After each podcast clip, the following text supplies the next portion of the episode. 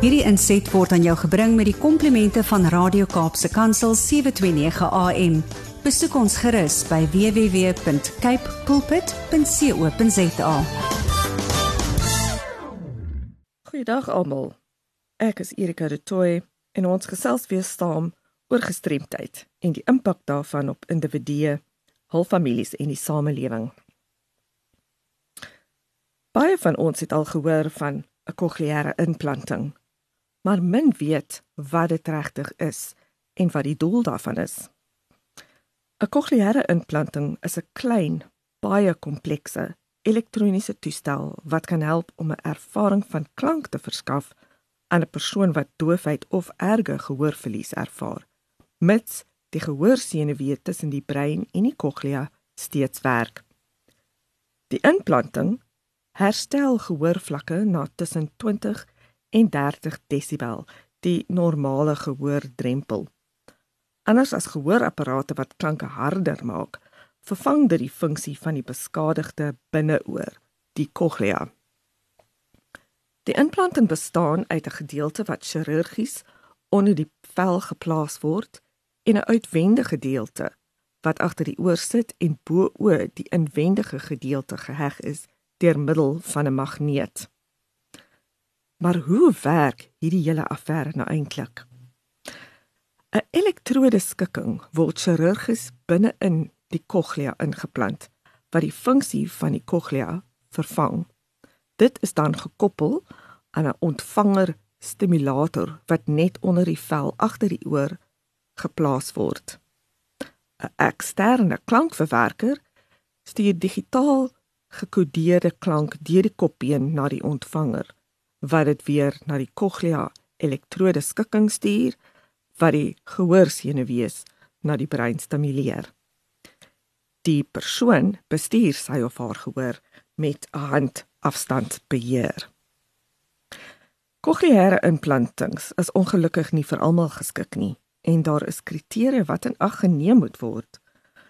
Hulle kan byvoorbeeld volwassenes help wat matige tot ernstige gehoorverlies in albei ore ervaar wat min of geen voordeel uit gehoorapparate kry nie wat 'n telling van 50% op of minder op sinherkenningstoetse in Engels is dit speech recognition en die oor wat ingeplant moet word of 'n telling van 60% op minder op sinherkenningstoetse in die nie geïmplanteerde oor of in albei ore met gehoorapparaat.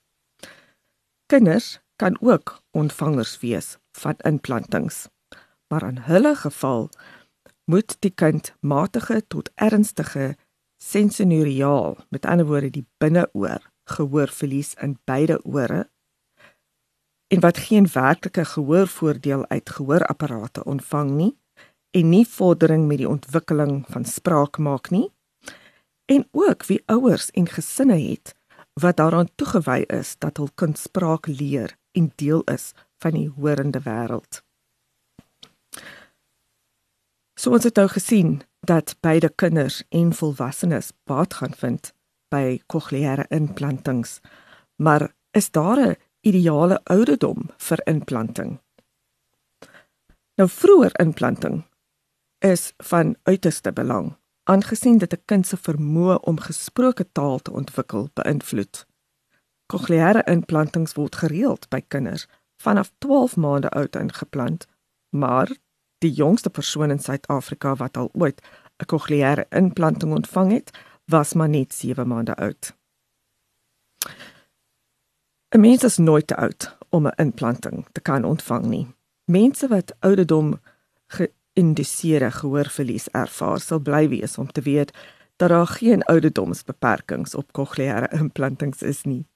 As daar vir jou gesê word dat gehoorapparate nie meer sal help nie of dat die audioloog niks meer kan doen nie, kan 'n verwysing na 'n kokleaire implantingskliniek dalk die laaste uitweg en oplossing wees. En hoe bepaal ons die sukses van 'n implanting want dit is nie elke persoon wat 'n kokleaire implanting ontvang wat suksesvol is. Volwassenes met verworwe gehoorverlies baat dikwels onmiddellik na die aktivering van die elektrodes en baie verstaan spraak sonder liplees reeds op die eerste dag. Meer as 70% kan in diens geneem word in 'n omgewing wat die gebruik van 'n telefoon vereis met die nodige redelike akkommodasies natuurlik. Kinders wat doofgebore is wat 'n kokleaire implanting voor die ouderdom van 2 jaar ontvang het, het die potensiaal om graad 1 te betree met gesproke taalvaardighede wat nou ooreenstem met die van hul horende maats.